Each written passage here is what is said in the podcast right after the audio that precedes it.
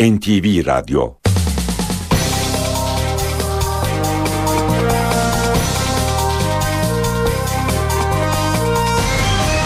İşe giderken Mutlu sabahlar. Ben Aynur Altunkaş. Bugün 2 Temmuz Salı işe giderkenle karşınızdayız. Saat 9'a kadar Türkiye ve dünya gündemindeki gelişmeleri, gazete manşetlerini, piyasa verilerini, yol ve hava durumlarını aktaracağız. Önce gündemin öne çıkan başlıklarına bakıyoruz. Diyarbakır Lice'de Cuma günü PKK'lılar tarafından kaçırılan uzman çavuş Yetkin Beyen serbest bırakıldı. Askeri darbelere yasal dayanak olan Türk Silahlı Kuvvetleri İç Hizmet Kanunu'nun 35. maddesinin değiştirilmesini de içeren yasa tasarısı Milli Savunma Komisyonu'ndan geçti. Oylamada MHP çekimser kaldı. AK Parti, CHP ve BDP düzenlemeye evet oyu verdi.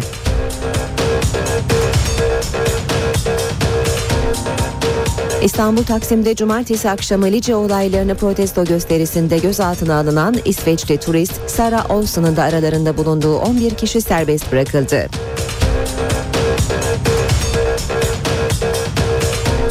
Sivas'ta 37 kişinin yaşamını yitirdiği Madımak olaylarının 20. yıl dönümünde kentte güvenlik önlemleri en üst seviyeye çıkarıldı.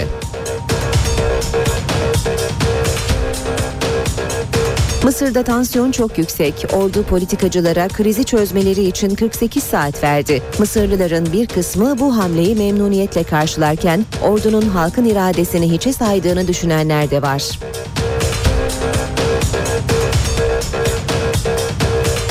Amerika Birleşik Devletleri'nin sırlarını açığa çıkaran Edward Snowden Rusya'dan sığınma hakkı istedi. Putin, Amerikalı ortaklarına zarar vermeyi durdurması halinde Rusya'da kalabileceğini söyledi. Snowden ise Amerika'nın gizli belgelerini basına sızdırmayı sürdüreceğini söyledi.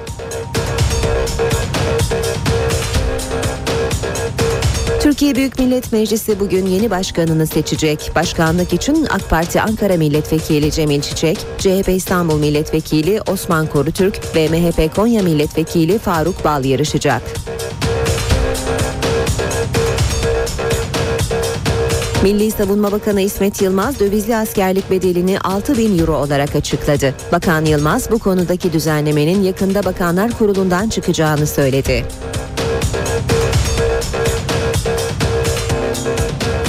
Lisans yerleştirme sınav sonuçları geçen yıl olduğu gibi bu yılda beklenenden önce açıklandı. Sınavda tüm puan türlerinden en çok birinci İzmir'den çıktı. İşe giderken gazetelerin gündemi.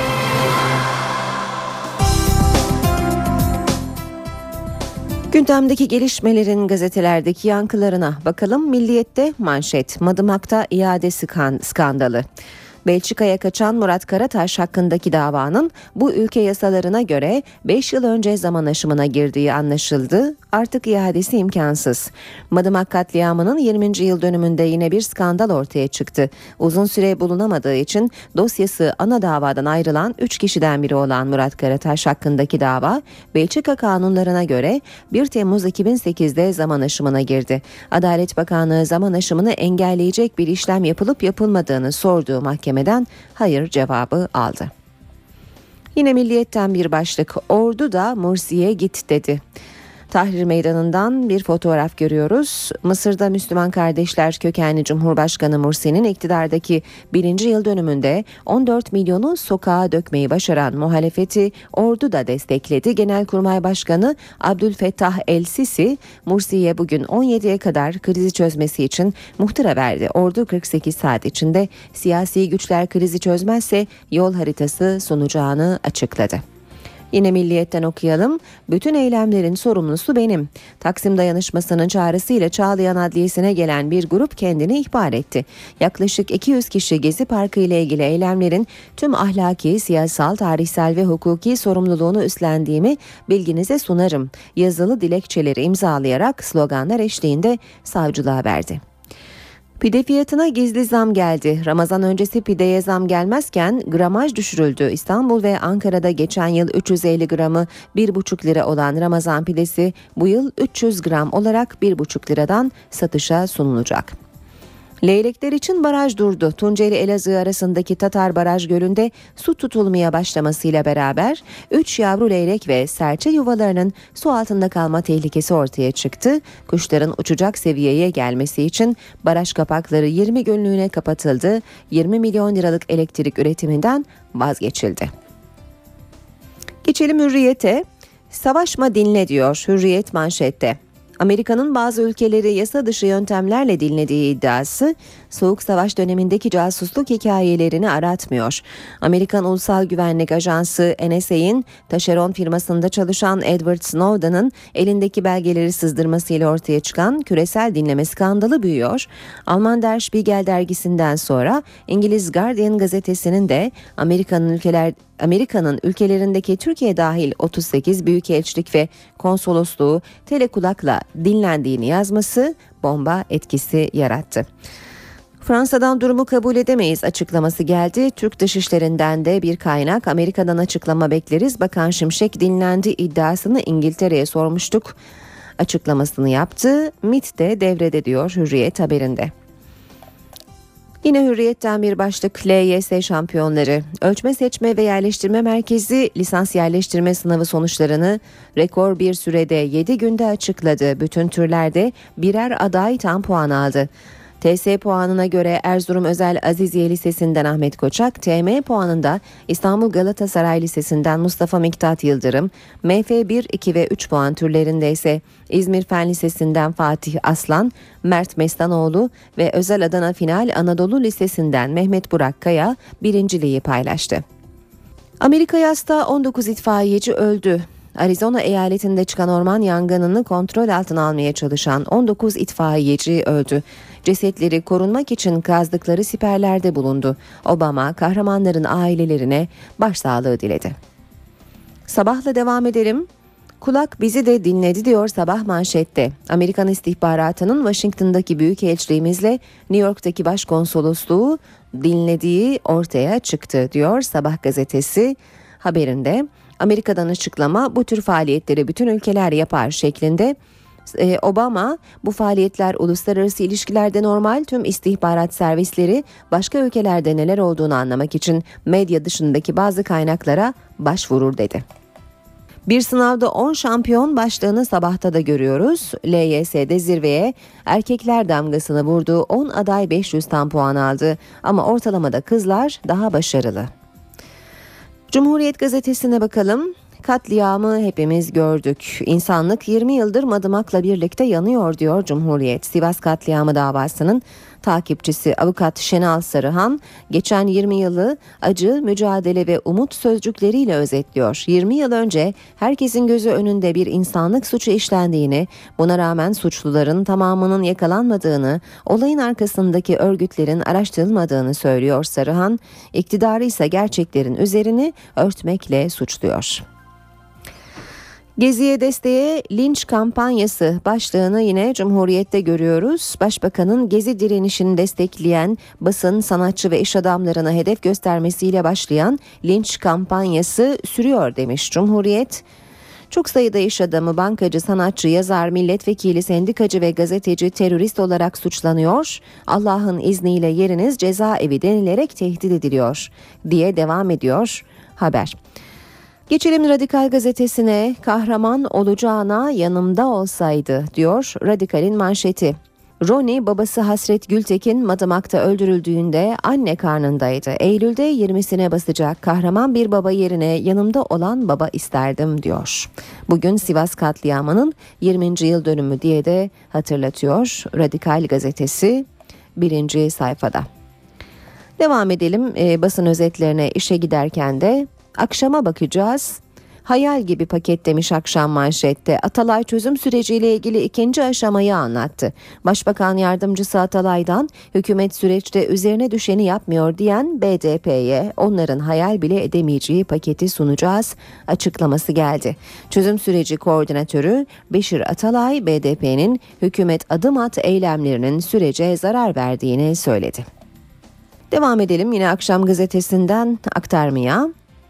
Lice talimatı Reber'den Diyarbakır Lice'de bir kişinin öldüğü olayları PKK adına bölgedeki uyuşturucu trafiğini yöneten Mehmet Şah Yıldeniz'in örgütlediği ortaya çıktı. Reber kod adlı Yıldeniz çekilmeye karşı tavrıyla biliniyor. Kafalar değişecek. Maymuna nakledilmişti sıra insanda. Bilim dünyasından bir mucize haberi daha. İtalyan nöroşirurji uzmanı Sergio Canavero 1970 yılında maymunlar üzerinde denenen kafa naklini kendi yöntemiyle insana uygulayacağını açıkladı. İki yıl sonra yapılması beklenen ameliyatın 3 zorluğu var. 10 milyon euro masraf, gönüllü bulunması ve etik engeller. Zaman gazetesiyle devam edeceğiz. Zaman gazetesi de LYS birincilerini bugün e, manşetine almış. LYS rekor hızla açıklandı işte şampiyonlar demiş manşetinde. Önceki yıllarda yaklaşık bir ay sonra açıklanan lisans yerleştirme sınavının sonuçları bu defa 7 gün gibi rekor bir sürede belli oldu. Sınavda 500 tam puan alan Fatih Aslan, Mert Mestanoğlu, Mehmet Burak Kaya, Ahmet Koçak ve Mustafa Miktat Yıldırım kendi alanlarında zirveye çıktı. Yabancı dillerde ise birinciliği 5 öğrenci paylaştı deniyor haberde. Devam ediyoruz basın özetlerine. Ee, Yeni Şafak'a bakacağız. Ordu iki gün süre verdi diyor Yeni Şafak manşette. Mısır'da bir yıl önce seçimle iktidara gelen Mursi'yi devirmek için meydanlara inen muhalefet sokakları savaş alanına çevirirken ordu ilk kez devreye girdi diyor. Yeni Şafak gazetesi de Genelkurmay Başkanı 48 saatte anlaşın yoksa kendi yol haritamızı uygularız dedi. Ve Habertürk'le bitiriyoruz basın özetlerini.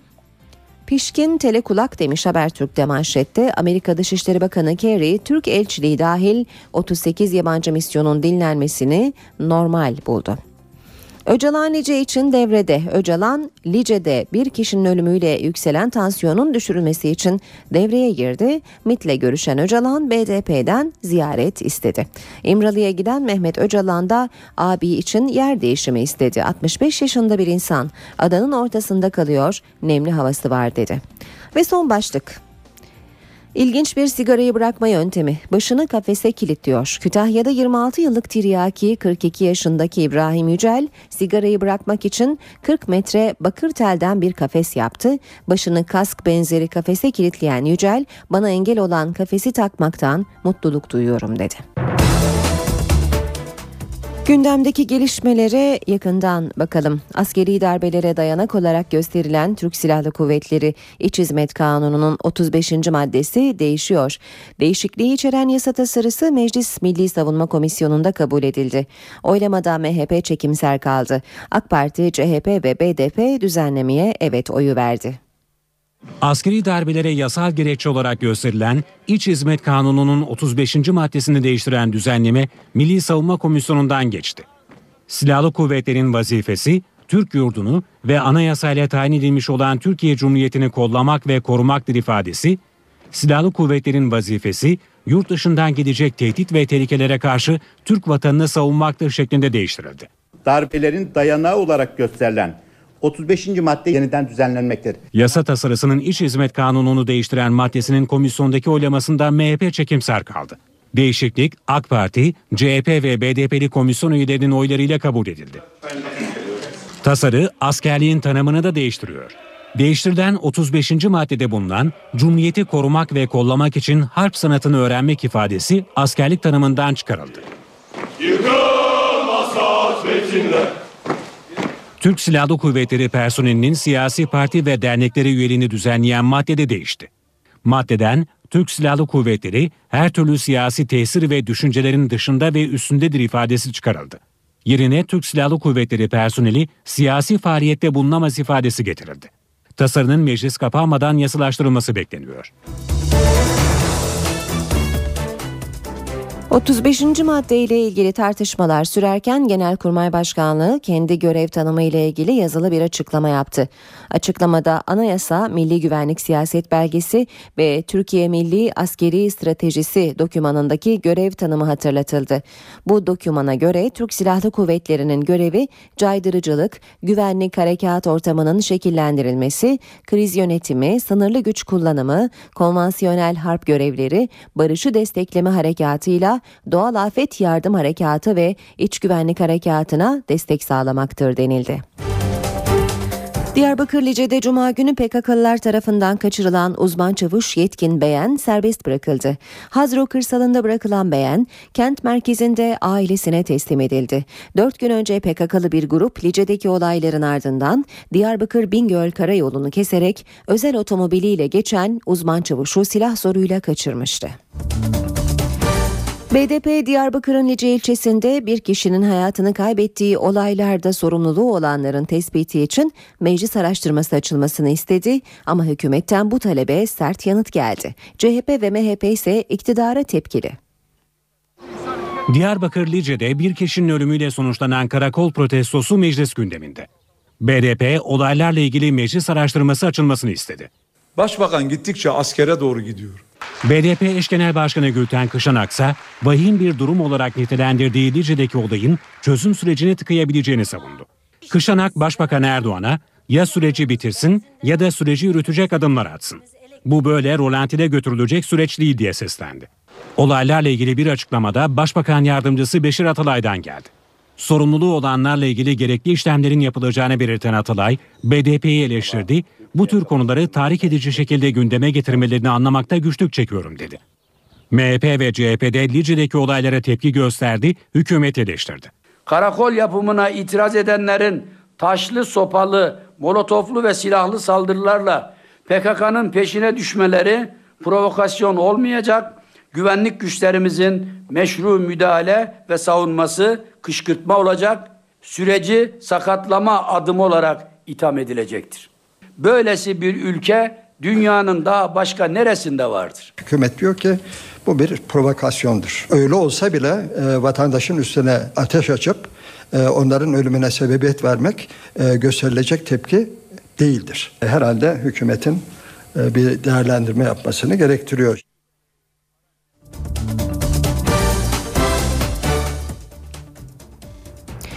Hakkari'de Lice'de yaşanan olayları protesto eden bir grup eylem yaptı. Göstericiler barikat kurarak çevre yolunu trafiğe kapadı. Olay yerine gelen polise molotof kokteyli attı. Ekipler biber gazı ve tazikli suyla karşılık verdi. Ara sokaklara dağılan grup daha sonra bir dernek binasını ateşe verdi. Alevler çevredeki binalara da sıçradı. Yangın tomaların da yardımıyla güçlükle kontrol altına alındı. Dumandan etkilenen bazı vatandaşlar tedavi altına alındı. Bu arada İstanbul Taksim'de cumartesi akşamı Lice olaylarını protesto gösterisinde gözaltına alınan İsveçli turist Sarah Olsan'ın da aralarında bulunduğu 11 kişi serbest bırakıldı. Şırnak'ın Cizre ilçesinde PKK'nın asayiş birimi kurduğu iddiası üzerine başlatılan soruşturma kapsamında 13 kişi gözaltına alındı. Özel harekat timlerinin de katıldığı operasyonda çok sayıda eve baskın yapıldı. Kumçatı beldesinde 1, Cizre'de 12 kişi gözaltına alındı. Zanlıların emniyetteki sorgusu sürüyor. PKK'nın Cizre'de asayiş birimi kurduğu iddiası üzerine Diyarbakır Cumhuriyet Başsavcılığı soruşturma başlatmıştı. İşe giderken Mısır'da tansiyon çok yüksek. Ordu politikacılara krizi çözmeleri için 48 saat verdi. Konuyla ilgili ordunun Facebook sayfasından yapılan ikinci açıklamada ise bu ultimatomun bir darbe yapılacağı anlamına gelmediği belirtildi. Mısırlıların bir kısmı bu hamleyi memnuniyetle karşılarken ordunun halkın iradesini hiçe saydığını düşünenler de var. Mısır'da ordu ülkedeki krize 48 saatte çözüm istiyor. Genelkurmay Başkanı Abdülhamid Sisi, halkın taleplerinin yerine getirilmesi için kapsayıcı bir yol haritası hazırlanmasını istedi. Aksi halde ordunun kendi yol haritasını devreye sokacağını duyurdu. Açıklamanın ardından gözler Cumhurbaşkanı Muhammed Mursi'nin istifasını isteyen yüz binlerce Mısırlı'nın toplandığı tahrir meydanına çevrildi. Sana sesleniyorum Mursi. Görevi bırak yoksa bu insanlar gelip seni Cumhurbaşkanlık sarayından çıkaracak. Bu sefer yanımızda ordu da olacak.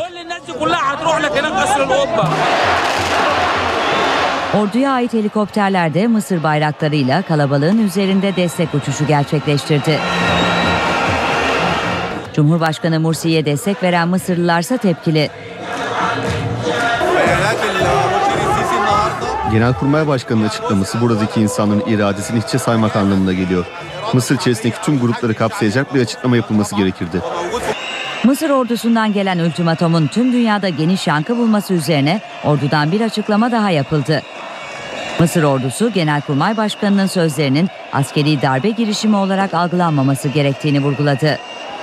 Açıklamada Mısır halkının nabzını tutuyoruz denildi ve ordunun amacının siyasi uzlaşmayı sağlamak olduğu belirtildi. Brezilya ev sahipliğini yaptığı Konfederasyon Kupası'nda finalde İspanya'yı 3-0 yenerek zafere ulaştı. Ancak maç sırasında sokaklar yine hareketliydi. Hükümetin politikalarını protesto edenler bir kez daha polisle çatıştı. Brezilya'da haftalardır devam eden gösteriler Konfederasyon Kupası finalinde de hız kesmedi. Final maçında Brezilya İspanya'yı 3-0 yenerek kupaya uzandı ancak stat'taki sevinç saha dışına yansımadı. Rio de Janeiro'daki Maracana stadının hemen dışında hükümetin politikalarını protesto eden 5000'den fazla gösterici polisle çatıştı. Polis taş ve molotof kokteylleri atan kalabalığa basınçlı su ve göz yaşartıcı gaz kullandı. Bu utanç Brezilya'nın. Hiçbir şey yapamıyorsunuz. Protesto edemiyorsunuz. Çünkü hükümetimizin utanması yok. Daha iyi sağlık, eğitim ve ulaşım hizmetleri isteyen göstericiler spor organizasyonlarının maliyetlerine tepkiliydi. İnsanlar için sağlığa, eğitime daha fazla yatırım yapılması için protesto düzenliyoruz. Sadece futbola, biraya, sambaya değil. Yaklaşık bir ay önce ulaşım ücretlerine yapılan zammı protesto etmek için başlayan gösteriler kısa sürede yayılmış ve hükümet politikalarına tepkiye dönüşmüştü. Devlet Başkanı Dilma Rousseff isteklerin karşılanacağını belirtmiş, eğitim ve sağlık konusunda reform sözü vermişti. İşe giderken Taksim Dayanışması üyeleri kendileri hakkında suç duyurusunda bulundu. Taksim Dayanışması baskıya karşı direnmek suçsa biz bu suçu işledik diyor.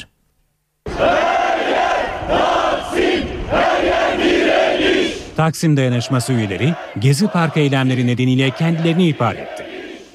İstanbul Çağlayan Adliyesi'nde buluşan grup biz de suç işledik diyerek dilekçe verdi. Ben de o arkadaşlarımla aynı suçu işledim. Eğer e, o arkadaşlarımız tutuklandıysa ya bizi de tutuklasınlar veya o arkadaşlarımızı da serbest bıraksınlar istiyorum. Savcılığa kendisini şikayet edenler arasında Gezi Parkı eylemlerinde biber gazı müdahaleye maruz kalan Mimarlar Odası yönetiminden Mücella Yapıcı da vardı. Esas suçlular ve katiller dışarıdayken bütün Gezi Parkı eylemlerinin siyasi, hukuki, insani ve tarihi sorumluluğun hepsini yüklendiğimi devlete kendimi ihbar etmek için geldim dilekçemi veriyorum. Dilekçede yetkililerin soruşturulması, gözaltında tutulanların serbest bırakılması çağrısı da yer aldı. Bir yakınımın babası çocuğunu arıyordu. Yani köylümüz oluyor. E, yok. Ya hala arıyor.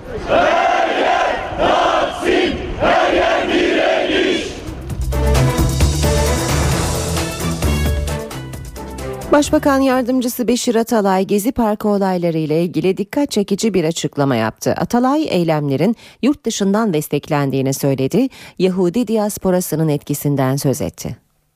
Türkiye'nin fazla büyümesinden hasetlik duyanlar var, kıskananlar var. Bunların hepsi bir araya geliyor. Bir yandan Yahudi diasporası, Gezi Parkı olaylarında yurt dışı basının tutumunu gördünüz. Nasıl hemen çabuk satın aldılar ve hızlı şekilde değerlendirmeler olmadan hemen çok geniş şekilde yayına başladılar. Gördünüz. Sivas'ta 20 yıl önce Madımak Oteli'nde hayatını kaybeden 33 aydın ve sanatçı için Tunceli'de yürüyüş düzenlendi.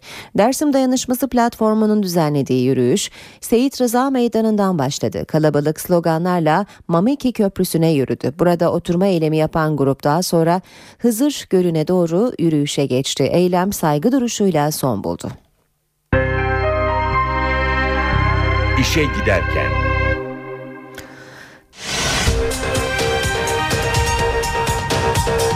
Diyarbakır Lice'de Cuma günü PKK'lılar tarafından kaçırılan uzman çavuş Yetkin Beyen serbest bırakıldı. Askeri darbelere yasal dayanak olan Türk Silahlı Kuvvetleri İç Hizmet Kanunu'nun 35. maddesinin değiştirilmesini de içeren yasa tasarısı Milli Savunma Komisyonu'ndan geçti. Oylamada MHP çekimser kaldı. AK Parti, CHP ve BDP düzenlemeye evet oyu verdi.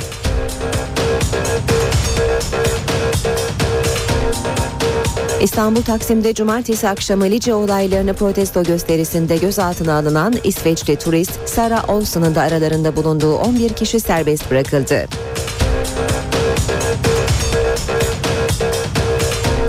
Sivas'ta 37 kişinin yaşamını yitirdiği Madımak olaylarının 20. yıl dönümünde kentte güvenlik önlemleri en üst seviyeye çıkarıldı.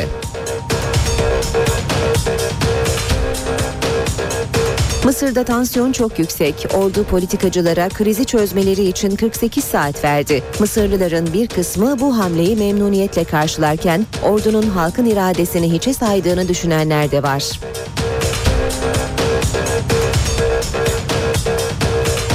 Amerika Birleşik Devletleri'nin sırlarını açığa çıkaran Edward Snowden Rusya'dan sığınma hakkı istedi. Putin, Amerikalı ortaklarına zarar vermeyi durdurması halinde Rusya'da kalabileceğini söyledi. Snowden ise Amerika'nın gizli belgelerini basına sızdırmayı sürdüreceğini söyledi.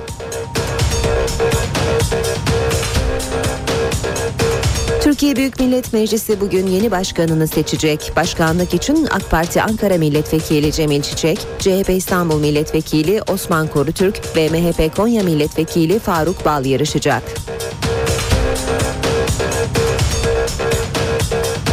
Milli Savunma Bakanı İsmet Yılmaz dövizli askerlik bedelini 6 bin euro olarak açıkladı. Bakan Yılmaz bu konudaki düzenlemenin yakında Bakanlar Kurulu'ndan çıkacağını söyledi.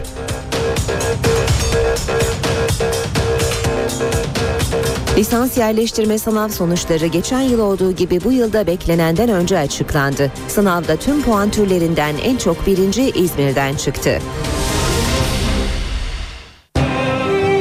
İşe giderken gazetelerin gündemi.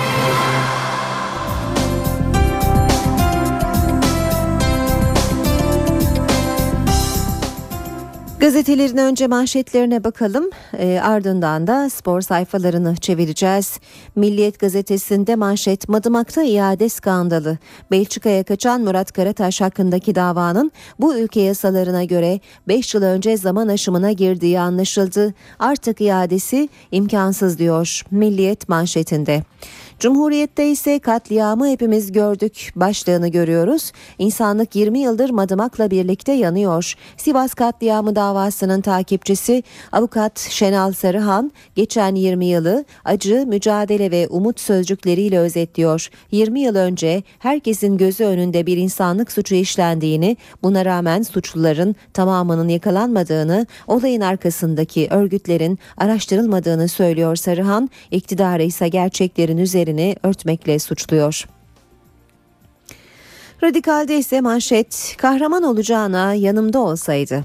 Ronnie babası Hasret Gültekin Madımak'ta öldürüldüğünde anne karnındaydı. Eylül'de 20'sine basacak kahraman bir baba yerine yanımda olan baba isterdim diyor. Hürriyete bakalım. Savaşma dinle demiş Hürriyet manşette. Amerika'nın bazı ülkeleri yasa dışı yöntemlerle dinlediği iddiası soğuk savaş dönemindeki casusluk hikayelerini aratmıyor demiş Hürriyet. Manşette sabahta da kulak bizi de dinledi başlığını manşette görüyoruz. Amerikan istihbaratının Washington'daki büyükelçiliğimizle New York'taki başkonsolosluğu dinlediği ortaya çıktı deniyor haberde.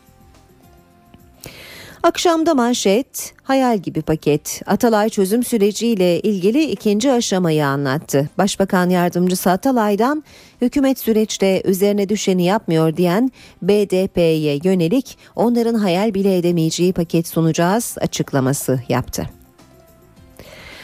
Habertürk'te manşette pişkin telekulak demiş Amerikan Dışişleri Bakanı Kerry, Türk elçiliği dahil 38 yabancı misyonun dinlenmesini normal buldu.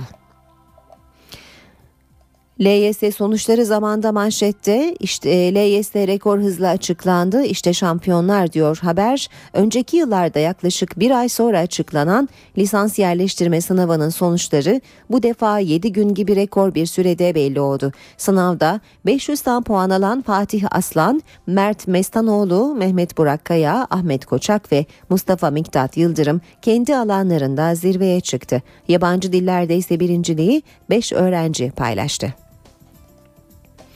Yeni Şafak'ta manşet ordu iki gün süre verdi. Mısır'da bir yıl önce seçimle iktidara gelen Mursi'yi devirmek için meydanlara inen muhalefet sokakları savaş alanına çevirirken ordu ilk kez devreye girdi. Genelkurmay Başkanı 48 saatte anlaşın yoksa kendi yol haritamızı uygularız dedi. Gazetelerin manşetlerini aktardık. Şimdi de spor sayfalarını çevirmeye başlayalım. E, önce Hürriyet gazetesine bakacağız. Hürriyet'in spor sayfalarından okuyacağımız ilk başlık Genel Kurulda başkanlığa adayım ve Aziz Yıldırım'ın çağrısına ilk karşılık Saadettin Saran'dan geldi. Sarı lacivertli camianın önemli muhalif seslerinden kulübün eski yöneticisi Saadettin Saran dün bir açıklama yaparak Fenerbahçe kulübü başkanlığına aday olduğunu kamuoyuna duyurdu. Yine Fenerbahçe haberi Fenerbahçe'nin gülen yüzü başlığını taşıyor. Yeni dönem resmen başladı. Yeni teknik patronu Aykut Kocaman'la karşılaştırmış. Hürriyet gazetesi devamlı gülümseyerek futbolcularla sıcak iletişim kurmaya çalıştı. Kıyafet seçimi ve sürekli aralarına girerek de biz bir takımız ve ben de sizin gibi bu takımın parçasıyım mesajı verdi. Fener potada bombayı patlattı. Obradovic Fenerbahçe'de Sarı Lacivertliler tam 8 Euroleague şampiyonluğu bulunan deneyimli Sırp koçla 2 yıllık anlaşmaya vardı.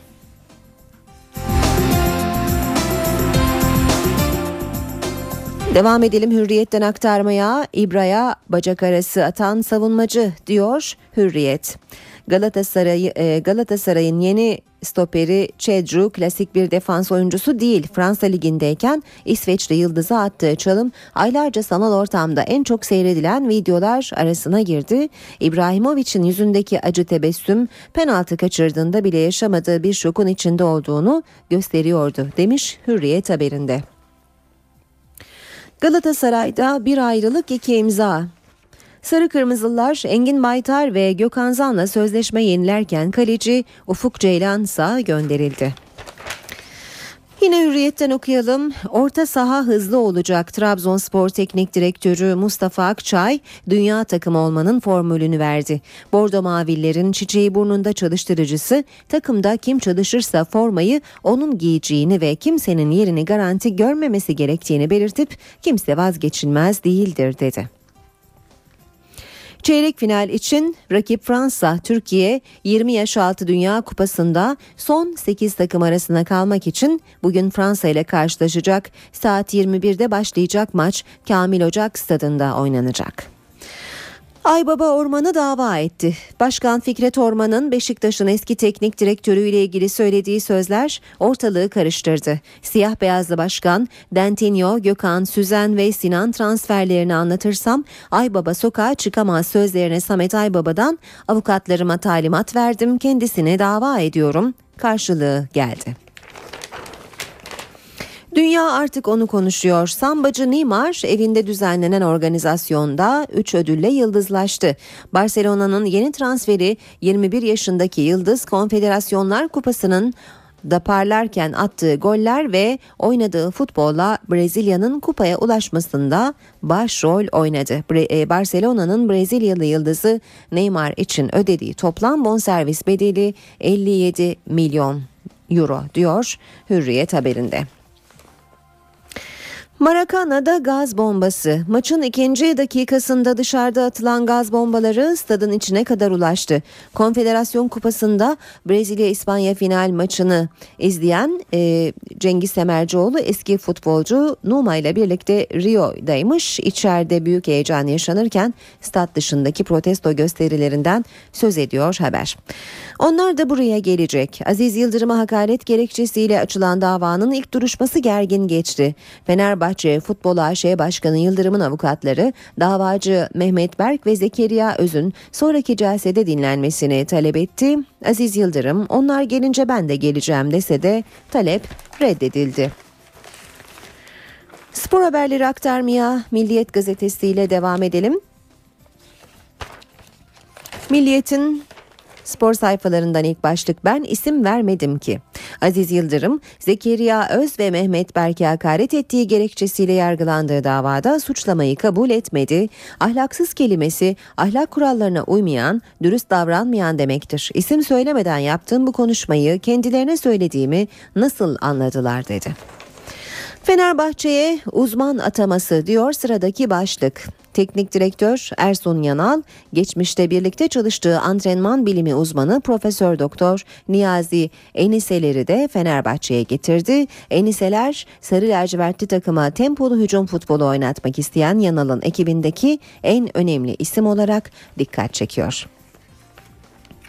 Carlinhos satrancı başlığıyla devam edelim. Galatasaray'la Fluminense arasında tam bir taktik mücadelesi yaşanıyor. Brezilya kulübü Fer Vargas, Tre Molinas ve Enscala'nın isimleri ortaya çıkınca Carlinhos için geri adım attı.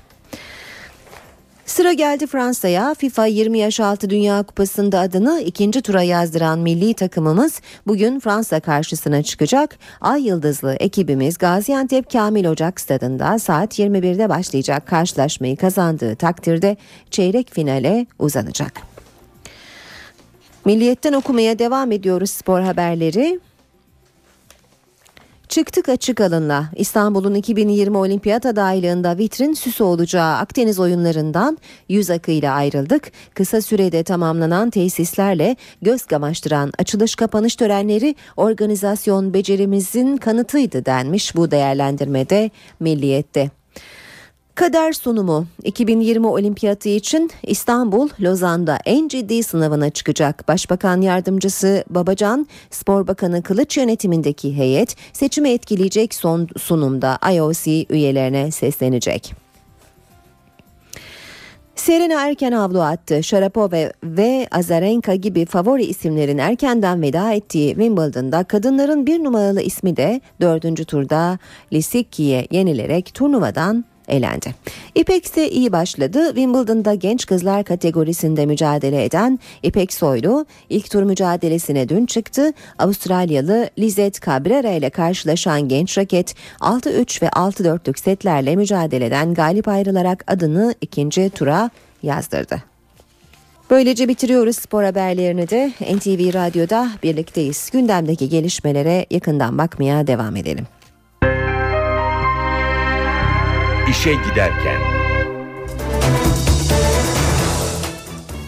Lisans yerleştirme sınav sonuçları geçen yıl olduğu gibi bu yılda beklenenden önce açıklandı. Sınavda tüm puan türlerinde en çok birinci İzmir'den çıktı. Her yıl olduğu gibi bu yılda kız adaylar daha başarılı.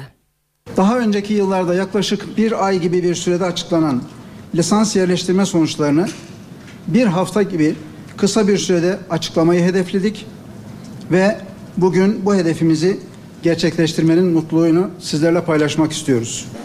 Lisans yerleştirme sınavı sonuçlarında bu yıl bir rekor var. Sonuçlar sadece bir haftada açıklandı. 831.570 adayın katıldığı sınavda 133 kişinin sınavı geçersiz sayıldı.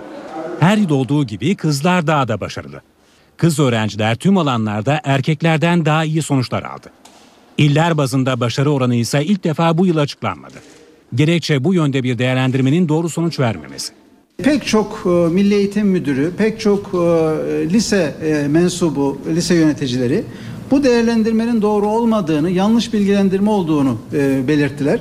Bu nedenle biz de Milli Eğitim Bakanımızın da görüşünü alarak bu tür il sıralamalarını, il başarı sıralamalarını yayınlamamayı uygun bulduk.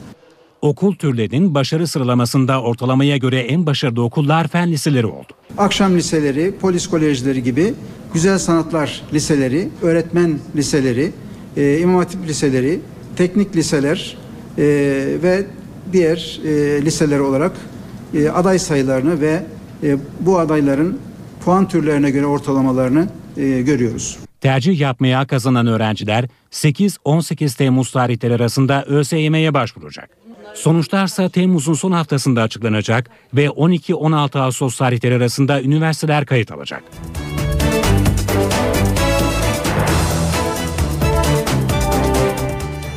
Milli Savunma Bakanı İsmet Yılmaz dövizli askerlik bedelini 6 bin euro olarak açıkladı. Bakan Yılmaz bu konudaki düzenlemenin yakında Bakanlar Kurulu'ndan çıkacağını söyledi. Türkiye Büyük Millet Meclisi bugün yeni başkanını seçecek. 3 Temmuz'da görev süresi dolacak olan Cemil Çiçek'in yerine bugün genel kurulda meclis başkanlığı seçimi yapılacak. Meclis başkanlığı için 3 isim yarışacak. AK Parti Ankara Milletvekili Cemil Çiçek, CHP İstanbul Milletvekili Osman Korutürk ve MHP Konya Milletvekili Faruk Bal. Başkan seçimi gizli oyla yapılıyor. İlk iki oylamada üye tam sayısının 3'te 2 yani 367, üçüncü oylamada ise üye tam sayısının salt çoğunluğu yani 276 aranacak. Üçüncü oylamada salt çoğunluk sağlanamazsa bu oylamada en çok oy alan iki aday için dördüncü oylama yapılacak. Dördüncü oylamada en fazla oy alan üye başkan seçilmiş olacak. İşe giderken Amerika Birleşik Devletleri'nin sırlarını açığa çıkaran Edward Snowden Rusya'dan sığınma hakkı istedi. Rusya lideri Putin talebi bir şartla kabul ederim dedi. Halen Rusya'da bulunan Snowden ise ilk kez ses verdi. Hedefinde Amerika Başkanı Barack Obama vardı. Eski CIA çalışanı Edward Snowden sessizliğini bozdu. Amerika Birleşik Devletleri'nin 30'dan fazla ülkenin diplomatik temsilciliklerini ve milyonlarca kişiyi yasa dışı yollarla takip ettiğini ortaya çıkaran Snowden, Ekvadorlu yetkililere bir mektup gönderdi. Snowden'ın hedefinde Amerika Birleşik Devletleri vardı. Washington'un kendini haksız yere suçladığını söyleyen Snowden, ABD'nin gizli belgelerini basına sızdırmayı sürdüreceğini söyledi. Snowden, Rusya'ya ulaşmasında yardım eden Ekvadorlu yetkililere de teşekkür etti. Snowden daha önce ABD'nin gizli yazışmalarını tüm dünyaya duyuran Wikileaks sitesine de açıklamada bulundu. Snowden bu kez ABD Başkanı Barack Obama'yı hedef aldı.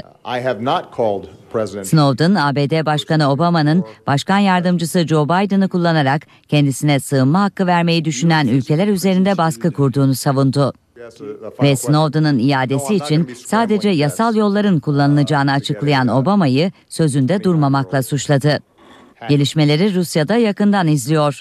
Rus Dışişleri Bakanlığı Moskova'da bulunan Snowden'ın Rusya'dan sığınma hakkı talep ettiğini duyurdu. Rusya Devlet Başkanı Vladimir Putin bu talebe sıcak bakıyor ancak şartı var. Snowden bir ülkeye sığınabiliyorsa buyursun sığınsın. Ancak burada kalıp Rusya'ya sığınmak isterse bir şartımız var. Amerikalı dostlarımıza zarar verebilecek eylemlerden uzak durması gerekir. Evet, benim böyle bir cümle kurmamın tuhaf olduğunu biliyorum. NTV Radyo Günaydın herkese yeniden ben Aynur Altunkaş. Bu saate Gökhan Abur'la hava durumunu konuşarak başlayacağız ama önce gündemin başlıklarını hatırlatalım.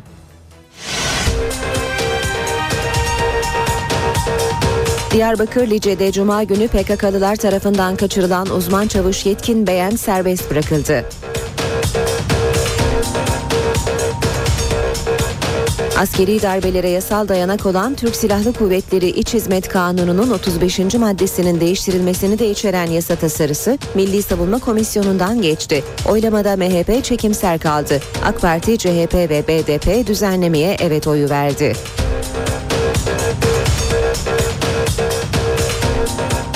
İstanbul Taksim'de cumartesi akşamı Lice olaylarını protesto gösterisinde gözaltına alınan İsveçli turist Sara Olsen'ın da aralarında bulunduğu 11 kişi serbest bırakıldı.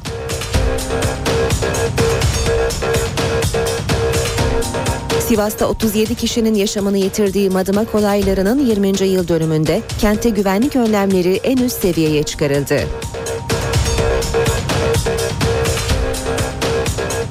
Mısır'da tansiyon çok yüksek. Ordu politikacılara krizi çözmeleri için 48 saat verdi. Mısırlıların bir kısmı bu hamleyi memnuniyetle karşılarken ordunun halkın iradesini hiçe saydığını düşünenler de var.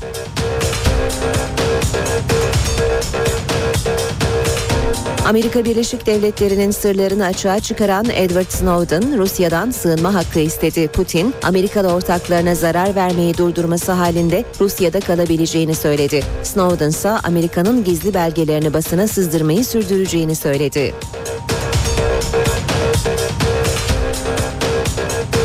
Türkiye Büyük Millet Meclisi bugün yeni başkanını seçecek. Başkanlık için AK Parti Ankara Milletvekili Cemil Çiçek, CHP İstanbul Milletvekili Osman Korutürk ve MHP Konya Milletvekili Faruk Bal yarışacak.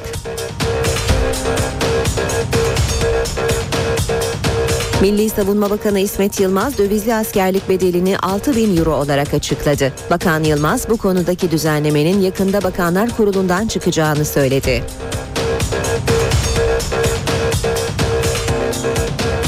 Lisans yerleştirme sınav sonuçları geçen yıl olduğu gibi bu yılda beklenenden önce açıklandı. Sınavda tüm puan türlerinden en çok birinci İzmir'den çıktı. Hava durumu için Gökhan Abur yanımızda. Günaydın Sayın Abur. Günaydın. Yurdumuzda bugün hava nasıl olacak? Yine yer yer yağmur görülecek mi?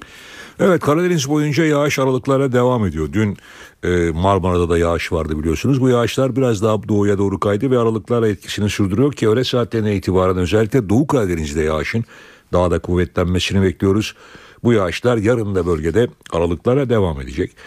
Dün e, İstanbul başta olmak üzere Marmara bölgesi bir hayli serin hatta hatta sonbaharı anımsatan bir hava yaşamıştı. Bugün sıcaklık 1-2 derece yükseliyor. Rüzgar yine öğle saatlerinde karayelden sert esecek ki şu anda İstanbul'da yine 13 kilometre hızla esen bir karayel var. Öğle saatlerinde hızının 30 kilometrenin üzerine çıkmasını bekliyoruz. Bugün İstanbul'da beklediğimiz sıcaklık 25-26 derecelere kadar çıkacak. Gece sıcaklıkları da biraz yükselmeye başladı. 17-18'lerde olacak İstanbul'da. Ankara'da ise şu an itibariyle parçalı bulutlu hava var ve sıcaklık 14 derece. Orada da çok hafif esen bir lodos var.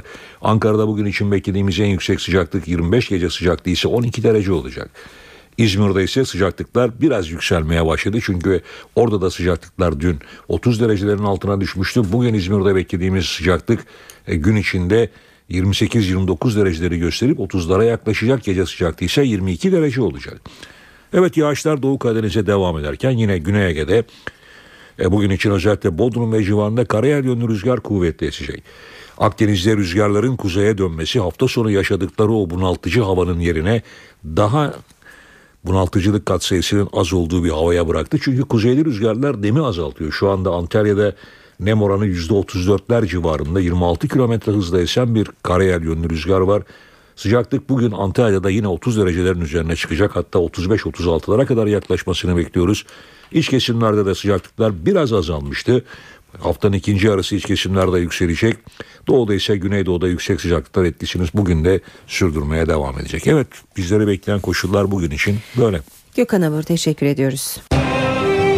İşe giderken gazetelerin gündemi.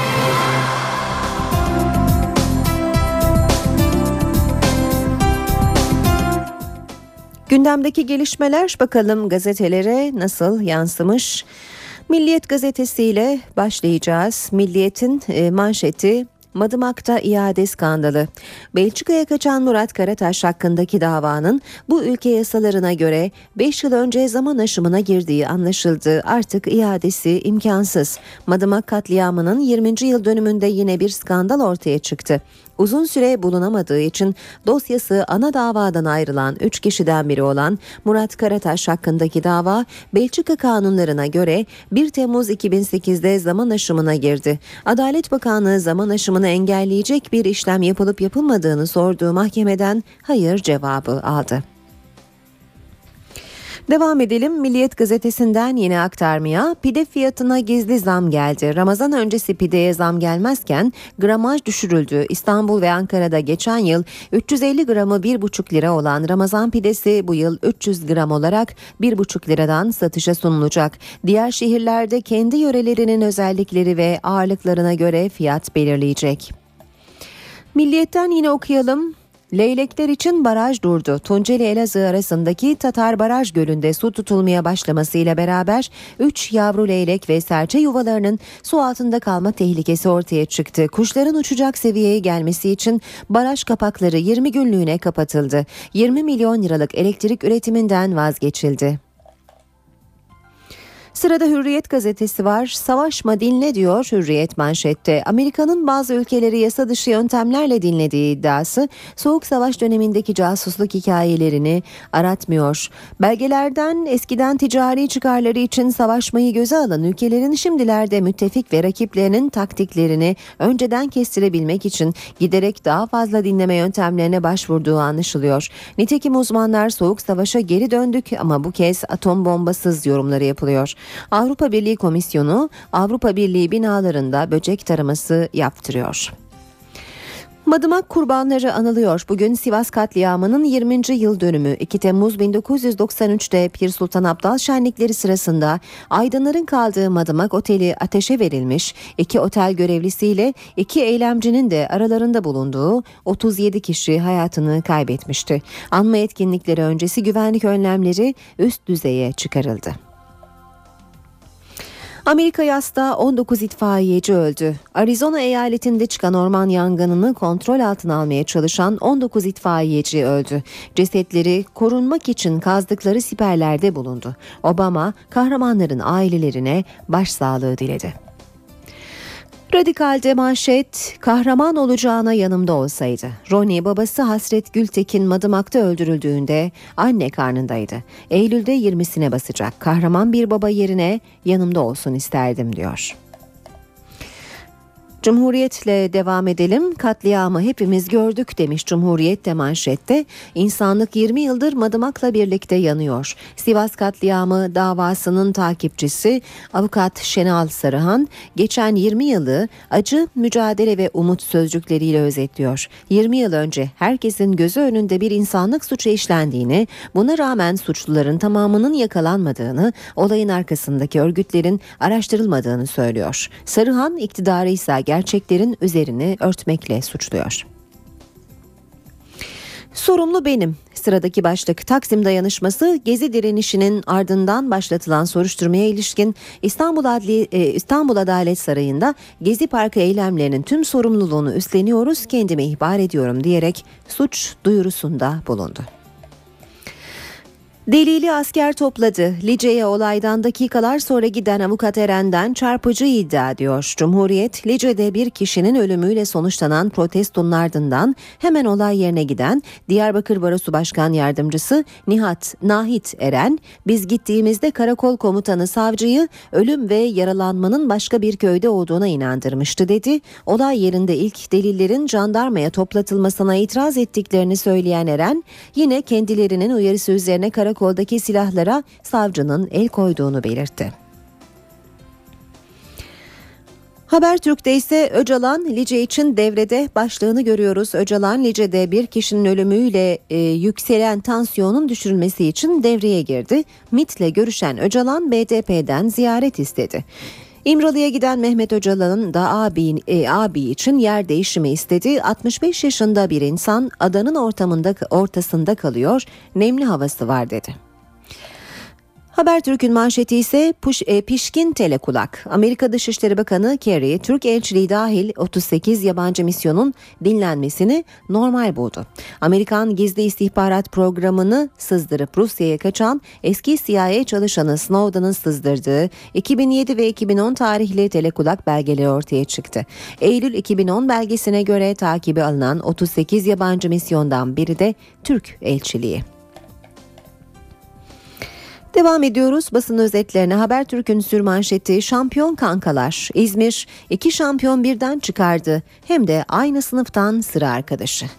851 bin üniversite adayının yarıştığı lisans yerleştirme sınavlarının sonuçları açıklandı. 500 tam puan alan 10 şampiyon çıktı. Genelde kızlar daha başarılı. Şampiyonların ikisi hem okul hem dershaneden sıra arkadaşı. İzmir Fen Lisesi öğrencileri Mert Mestanoğlu MF2 ve 3'te Fatih Aslansa MF1'de Türkiye birincisi. ÖSYM eğitim müdürlüklerinin itirazı nedeniyle illerin başarı sıralamasını açıklamadı. İl sırası artık yok. Sıfırcılarsa meçhul, YGS'de sıfırcıların sayısını azaltan ÖSYM bu sefer sıfır çekenlerin sayısını vermedi. Zamanda LYS sonuçlarını manşete almış, LYS rekor hızla açıklandı, İşte şampiyonlar diyor. Önceki yıllarda yaklaşık bir ay sonra açıklanan lisans yerleştirme sınavının sonuçları bu defa 7 gün gibi rekor bir sürede belli oldu. Sınavda 500'ten puan alan Fatih Aslan, Mert Mestanoğlu, Mehmet Burak Kaya, Ahmet Koçak ve Mustafa Miktat Yıldırım kendi alanlarında zirveye çıktı. Yabancı dillerde ise birinciliği 5 öğrenci paylaştı. Yeni Şafak gazetesinde manşet ordu iki gün süre verdi. Mısır'da bir yıl önce seçimle iktidara gelen Mursi'yi devirmek için meydanlara inen muhalefet sokakları savaş alanına çevirirken ordu ilk kez devreye girdi. Genelkurmay Başkanı 48 saatte anlaşın yoksa kendi yol haritamızı uygularız dedi. Ve akşam gazetesiyle bitireceğiz basın özetlerini. Hayal gibi paket diyor akşam manşette. Başbakan yardımcısı Atalay hükümet süreçte üzerine düşeni yapmıyor, yapmıyor diyen BDP'ye onların hayal bile edemeyeceği paket sunacağız dedi. Bir başka başlık kafalar değişecek. Maymuna nakledilmişti sıra insanda. Bilim dünyasından bir mucize haberi daha. İtalyan nöroşirurji uzmanı Sergio Canavero 1970 yılında maymunlar üzerinde denenen kafa naklini kendi yöntemiyle insana uygulayacağını açıkladı. İki yıl sonra yapılması beklenen ameliyatın 3 zorluğu var. 10 milyon euro masraf, gönüllü bulunması ve etik engeller. Ankara gündemi.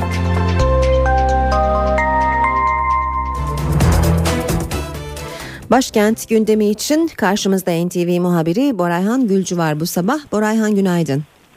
Günaydın. Bugün Ankara'nın gündemi yüklü özellikle gözler e, seçimin yapılacağı mecliste olacak. Bize ayrıntıları aktarır mısın? Evet meclisin programı özellikle bugün oldukça yoğun. Bugün yeni başkanını seçecek meclis. 3 Temmuz'da görev süresi dolacak olan Cemil Çiçek'in yerine genel kurulda meclis başkanlığı için seçim yapılacak. Meclis başkanlığı için 3 isim yarışıyor. Mevcut başkan AK Parti Ankara Milletvekili Cemil Çiçek, Cumhuriyet Halk Partisi İstanbul Milletvekili Osman Korutürk ve Milliyetçi Hareket Partisi Konya Milletvekili Faruk Bal. Başkan seçimi bilindiği gibi gizli oyla yapılıyor. İlk iki oylamada üye tam sayısının 3'te 2 yani 367'si. Üçüncü oylamada ise üye tam sayısının salt çoğunluğu yani 276 sayısı aranacak. Üçüncü oylamada salt çoğunluk sağlanamazsa eğer bu oylamada en çok oy alan iki aday için dördüncü oylama yapılacak. Dördüncü oylamada en fazla oy alan üye başkan seçilmiş olacak. Ancak partilerin meclisteki sandalye dağılımına göre Cemil Çiçek'in üçüncü turda başkan seçilmesi bekleniyor. Başkent Ankara'da bugün siyasetin gündemi mecliste belirlenecek demiştik. Aynı zamanda günlerden salı olduğu için grup toplantıları var. Milliyetçi Hareket Partisi hariç AK Parti, Cumhuriyet Halk Partisi ve Barış ve Demokrasi Partisi'nin grup toplantıları gerçekleşecek.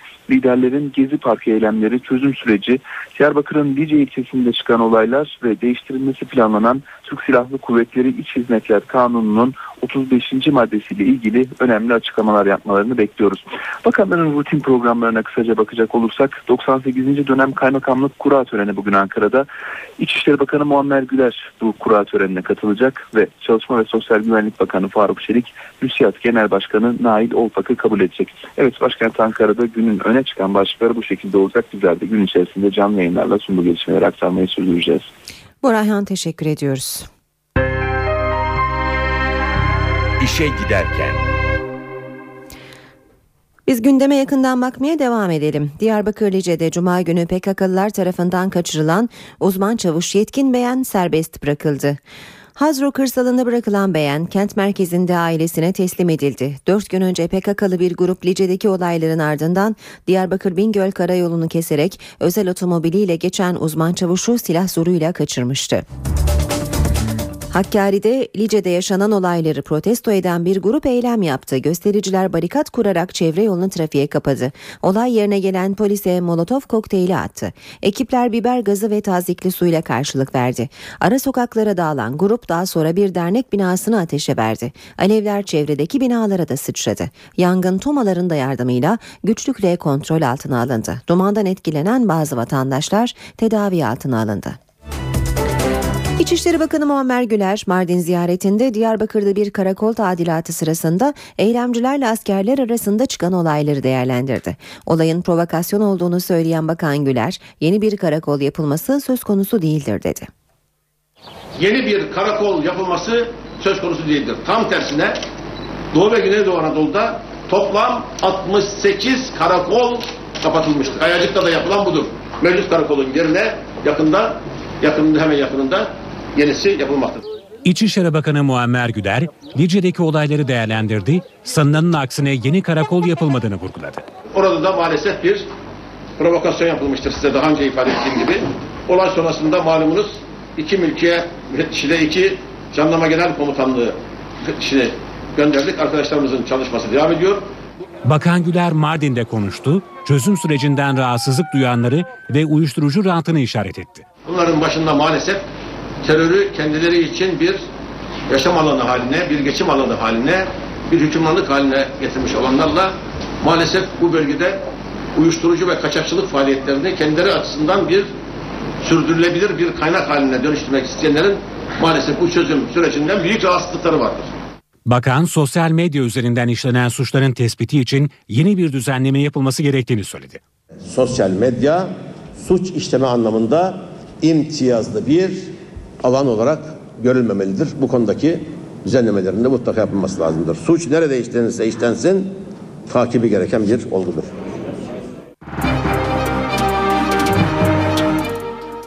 Ve piyasalar BIST 100 endeksi 442 puan artışla %0,58 oranında değer kazandı ve 76.736 puandan kapandı. Bu sabah dolar 1.92, euro 2.51'den işlem görüyor. Euro dolar 1.30, dolar yen 100 düzeyinde.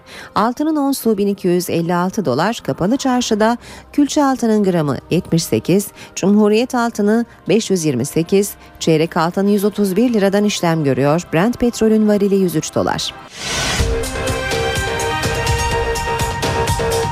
Diyarbakır Lice'de Cuma günü PKK'lılar tarafından kaçırılan uzman çavuş Yetkin Beyen serbest bırakıldı. Askeri darbelere yasal dayanak olan Türk Silahlı Kuvvetleri İç Hizmet Kanunu'nun 35. maddesinin değiştirilmesini de içeren yasa tasarısı Milli Savunma Komisyonu'ndan geçti. Oylamada MHP çekimser kaldı. AK Parti, CHP ve BDP düzenlemeye evet oyu verdi.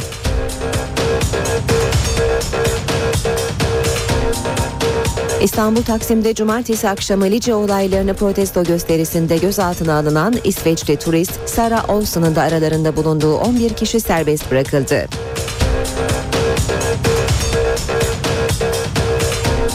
Sivas'ta 37 kişinin yaşamını yitirdiği Madımak olaylarının 20. yıl dönümünde kentte güvenlik önlemleri en üst seviyeye çıkarıldı.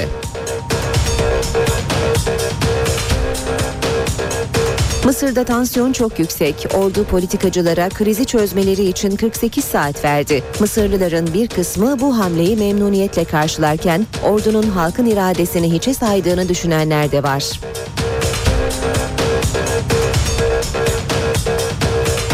Amerika Birleşik Devletleri'nin sırlarını açığa çıkaran Edward Snowden Rusya'dan sığınma hakkı istedi. Putin, Amerikalı ortaklarına zarar vermeyi durdurması halinde Rusya'da kalabileceğini söyledi. Snowden ise Amerika'nın gizli belgelerini basına sızdırmayı sürdüreceğini söyledi.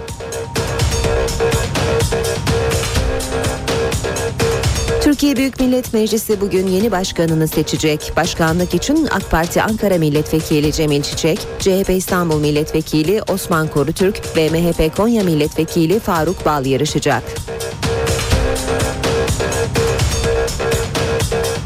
Milli Savunma Bakanı İsmet Yılmaz dövizli askerlik bedelini 6 bin euro olarak açıkladı. Bakan Yılmaz bu konudaki düzenlemenin yakında Bakanlar Kurulu'ndan çıkacağını söyledi.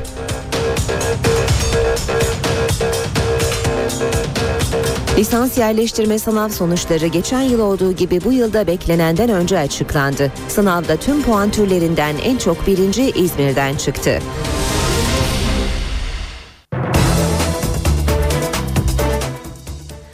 Saat 8.36 NTV Radyo'da birlikteyiz. Programımızın son bölümünde yine bir canlı bağlantımız olacak. Bugün Sivas katliamının 20. yıl dönümü. Madımak Oteli'nde yakılarak öldürülen 33 aydın ve sanatçı törenlerle anılacak. Ayrıntılar için Özden Erkuş şimdi karşımızda. Özden Kent'te. Ee, Özden günaydın. Günaydın. Ee, Bugün bize şu saati itibarıyla e, kentteki son durumu aktarabilir misin ve gün içinde neler olması bekleniyor? Sivas e, Sivas katliamının 20. yıl dönümünü bekliyor. Sanma etkinlikleri olacak. Önümüzdeki saatlerde saat 10.30'da başlayacak bu etkinlikler ve bu etkinlikler öncesinde Kentte dikkat çeken en fazla şey güvenlik önlemleri, yoğun güvenlik önlemleri çok sayıda polis şu dakika itibariyle özellikle Madımak Kültür Merkezi civarındaki yakılan Madımak Oteli'nin yerine açılmıştı. İşte bu noktada polisin bariyerlerle ve çok sayıda çevik kuvvetle önlem aldığını görüyoruz. 2 Temmuz 1993 tarihi Türkiye tarihinin en karanlık, en utanç verici sayfalarından biriydi. Pir Sultan Abdal şenlikleri kapsamında Madımak Oteli içindeki yüzlerce sanatçı Aydın Gence rağmen binlerce kişinin gözleri önünde yakılmış, ateşe verilmişti. Katliama dönüşen Pir Sultan Abdal şenliklerinin konukları olan ve aralarında Metin Altıok, Altın Bezirci, Nesin Çimen gibi isimlerin bulunduğu 33 kişi hayatını kaybetmişti. Olaylarda iki otel görevlisi ve oteli ateşe verenler arasında bulunan iki kişi daha vardı. Sivas katliamında yaşanan ihmal, geç gelen yardım, ardından dava sürecinde yaşananlar hep tartışıldı. Tartışılan noktalardan biri de olayın yaşandığı Madımak Oteli'ydi. Bir süre otel olarak kullanıldı. Ardından boşaltıldı. 2010 yılında kamulaştırıldı. Daha sonra ise 2011 yılında Madımak Bilim ve Kültür Merkezi adıyla yeniden açıldı. Aslında hayatını kaybedenlerin yakınları ve Alevi toplumu Madımak'ın bir müzeye dönüştürülmesini istemişti. Madımak Kültür Merkezi'ndeki panoda yakılarak öldürülen 35 kişinin e, dışında olaylara karışan iki kişinin de isminin yazılması yine tartışılan bir başka konuydu. Artık 20. yıl 20 yıldan bu yana özellikle olaylarda yani katliamda hayatını kaybeden 33 kişinin yakınları hemen her yıl 2 Temmuz tarihinde aynı acıyı tekrar tekrar yaşıyorlar. Bu yılda 20 yıl geride kaldı ama acıları hala taze. Saat 10.30'da törenin başlamasını bekliyoruz. Geçtiğimiz yıl iki ayrı tören yapılmıştı. O törenlerden ilkinde vali bir heyetle Madımak Kültür Merkezi'ne gelmiş ve e, oradaki anıta karanfil bırakmıştı. Ardından da aralarında çok sayıda Alevi e, sivil toplum kuruluşunun olduğu binlerce kişi Madımak Oteli yakınlarına gelip burada anma törenini gerçekleştirmişlerdi. Bugün saat 10.30'da Ethem Bey Park önünden başlayacak tören Mevlana Caddesi takip edilerek Atatürk Caddesi güzergahından Madımak Oteli önüne gelinerek ölenler için yine karanfil bırakılacak. Ardından da basın açıklaması yapılacak. Tek tek hayatını kaybedenlerin isimleri sayılacak anma töreninde e, Cumhuriyet Halk Partisi'nden ve başka siyasi partilerden de bazı heyetlerin yine Sivas'ta olmasını bekliyoruz. Yoğun güvenlik önlemleri var dedik. Bölge Trafik Şube Müdürlüğü önünde Sivas Malatya yolu üzerinde arama noktaları kuruldu. Dün gece geç saatlere kadar şehir giriş çıkışlarında yine aramalar yaptı polis. Herhangi bir olumsuzluk yaşanması yaşanmaması için tedbirler alınmaya devam ediliyor. Ama bitene kadar da kentteki pek çok cadde ve e, sokakta trafiğe kapalı olacak dediğimiz gibi Sivas katliamının 20. yıl dönümü saat 10.30'da başlayacak törenlerle alınacak. Özden teşekkür ediyoruz. Kolay gelsin. İşe giderken. Barış ve Demokrasi Partisi Diyarbakır'ın Nice ilçesinde bir kişinin hayatını kaybettiği olaylarda sorumluluğu olanların tespiti için meclis araştırması açılmasını istedi. Ama hükümetten bu talebe sert yanıt geldi. CHP ve MHP ise iktidara tepkili. Diyarbakır Lice'de bir kişinin ölümüyle sonuçlanan karakol protestosu meclis gündeminde. BDP olaylarla ilgili meclis araştırması açılmasını istedi. Başbakan gittikçe askere doğru gidiyor. BDP eş genel başkanı Gülten Kışanaksa vahim bir durum olarak nitelendirdiği Lice'deki olayın çözüm sürecini tıkayabileceğini savundu. Kışanak Başbakan Erdoğan'a ya süreci bitirsin ya da süreci yürütecek adımlar atsın. Bu böyle rolantide götürülecek süreç değil diye seslendi. Olaylarla ilgili bir açıklamada Başbakan Yardımcısı Beşir Atalay'dan geldi. Sorumluluğu olanlarla ilgili gerekli işlemlerin yapılacağını belirten Atalay, BDP'yi eleştirdi, bu tür konuları tahrik edici şekilde gündeme getirmelerini anlamakta güçlük çekiyorum dedi. MHP ve CHP'de Lice'deki olaylara tepki gösterdi, hükümet eleştirdi. Karakol yapımına itiraz edenlerin taşlı, sopalı, molotoflu ve silahlı saldırılarla PKK'nın peşine düşmeleri provokasyon olmayacak, güvenlik güçlerimizin meşru müdahale ve savunması kışkırtma olacak, süreci sakatlama adımı olarak itham edilecektir. Böylesi bir ülke dünyanın daha başka neresinde vardır? Hükümet diyor ki bu bir provokasyondur. Öyle olsa bile e, vatandaşın üstüne ateş açıp e, onların ölümüne sebebiyet vermek e, gösterilecek tepki değildir. Herhalde hükümetin e, bir değerlendirme yapmasını gerektiriyor. Çözüm süreciyle daha önce Ankara ve Diyarbakır'da gerçekleştirilen Barış ve Demokrasi Konferansı'nın adresi bu kez Brüksel'di. Konferansın sonuç bildirgesinde ikinci aşamanın başlatılması talep edildi. Brüksel, Ankara ve Diyarbakır'ın ardından Barış ve Demokrasi Konferansı'na ev sahipliği yaptı. İki günlük toplantının sonuç bildirgesinde Kürt sorununun çözümü için yasal, anayasal süreç olarak adlandırılan ikinci aşamanın başlatılması istendi. Barış güçleriyle dayanışmayı geliştirmek ama aynı zamanda da daha Bunun için vakit kaybetmeden hükümet ve Türkiye Büyük Millet Meclisi'nin sorumluluklarını yerine getirmesi gerektiği dile getirildi. Sonuç bildirgesinde müzakerelerin sonuç alıcı bir biçimde sürdürülmesi için Abdullah Öcalan'ın sağlık, güvenlik ve özgürlük koşullarının sağlanması gerektiğinin altı çizildi. ayrımıyla karşı karşıyadır. Ya geleneksel Öcalan'ın Türkiye Büyük Millet Meclisi'nin de dahil olduğu farklı kesimlerle iletişiminin sağlanması talep edildi. Hükümetin siyasi partiler yasası ve seçim barajı ile ilgili düzenlemeler yapması da istendi. Alevi, Süryani, Ermeni ve Yezidi köylerine cami yapma uygulamasına son verilmesi, Diyanet İşleri Başkanlığı'nın lağvedilmesi, zorunlu din derslerinin kaldırılması da talepler arasında. Toplantıda Abdullah Öcalan'ın mesajı da okundu. Öcalan mesajında sürece dair güvensizlikleri derinleştiren söylem ve eylemlerden herkesin uzak durması, çözüm sürecini çok fazla zamana da yaymadan somut adımların pratikleştirilmesi elzemdir ifadesini kullandı. Konferansa Barış ve Demokrasi Partisi Van Milletvekili Nazmi Gür, Siirt Belediye Başkanı Selim Sadak, eski DEP milletvekilleri Remzi Kartal ve Zübeyir Aydar ve gazeteci Nuray Mert gibi isimler katıldı. Diyarbakır Lice'de Cuma günü PKK'lılar tarafından kaçırılan uzman çavuş Yetkin Beyen serbest bırakıldı. Hazro kırsalında bırakılan Beyen, kent merkezinde ailesine teslim edildi. Dört gün önce PKK'lı bir grup Lice'deki olayların ardından Diyarbakır Bingöl karayolunu keserek özel otomobiliyle geçen uzman çavuşu silah zoruyla kaçırmıştı. Askeri darbelere dayanak olarak gösterilen Türk Silahlı Kuvvetleri İç Hizmet Kanunu'nun 35. maddesi değişiyor. Değişikliği içeren yasa tasarısı Meclis Milli Savunma Komisyonu'nda kabul edildi. Oylamada MHP çekimser kaldı. AK Parti, CHP ve BDP düzenlemeye evet oyu verdi.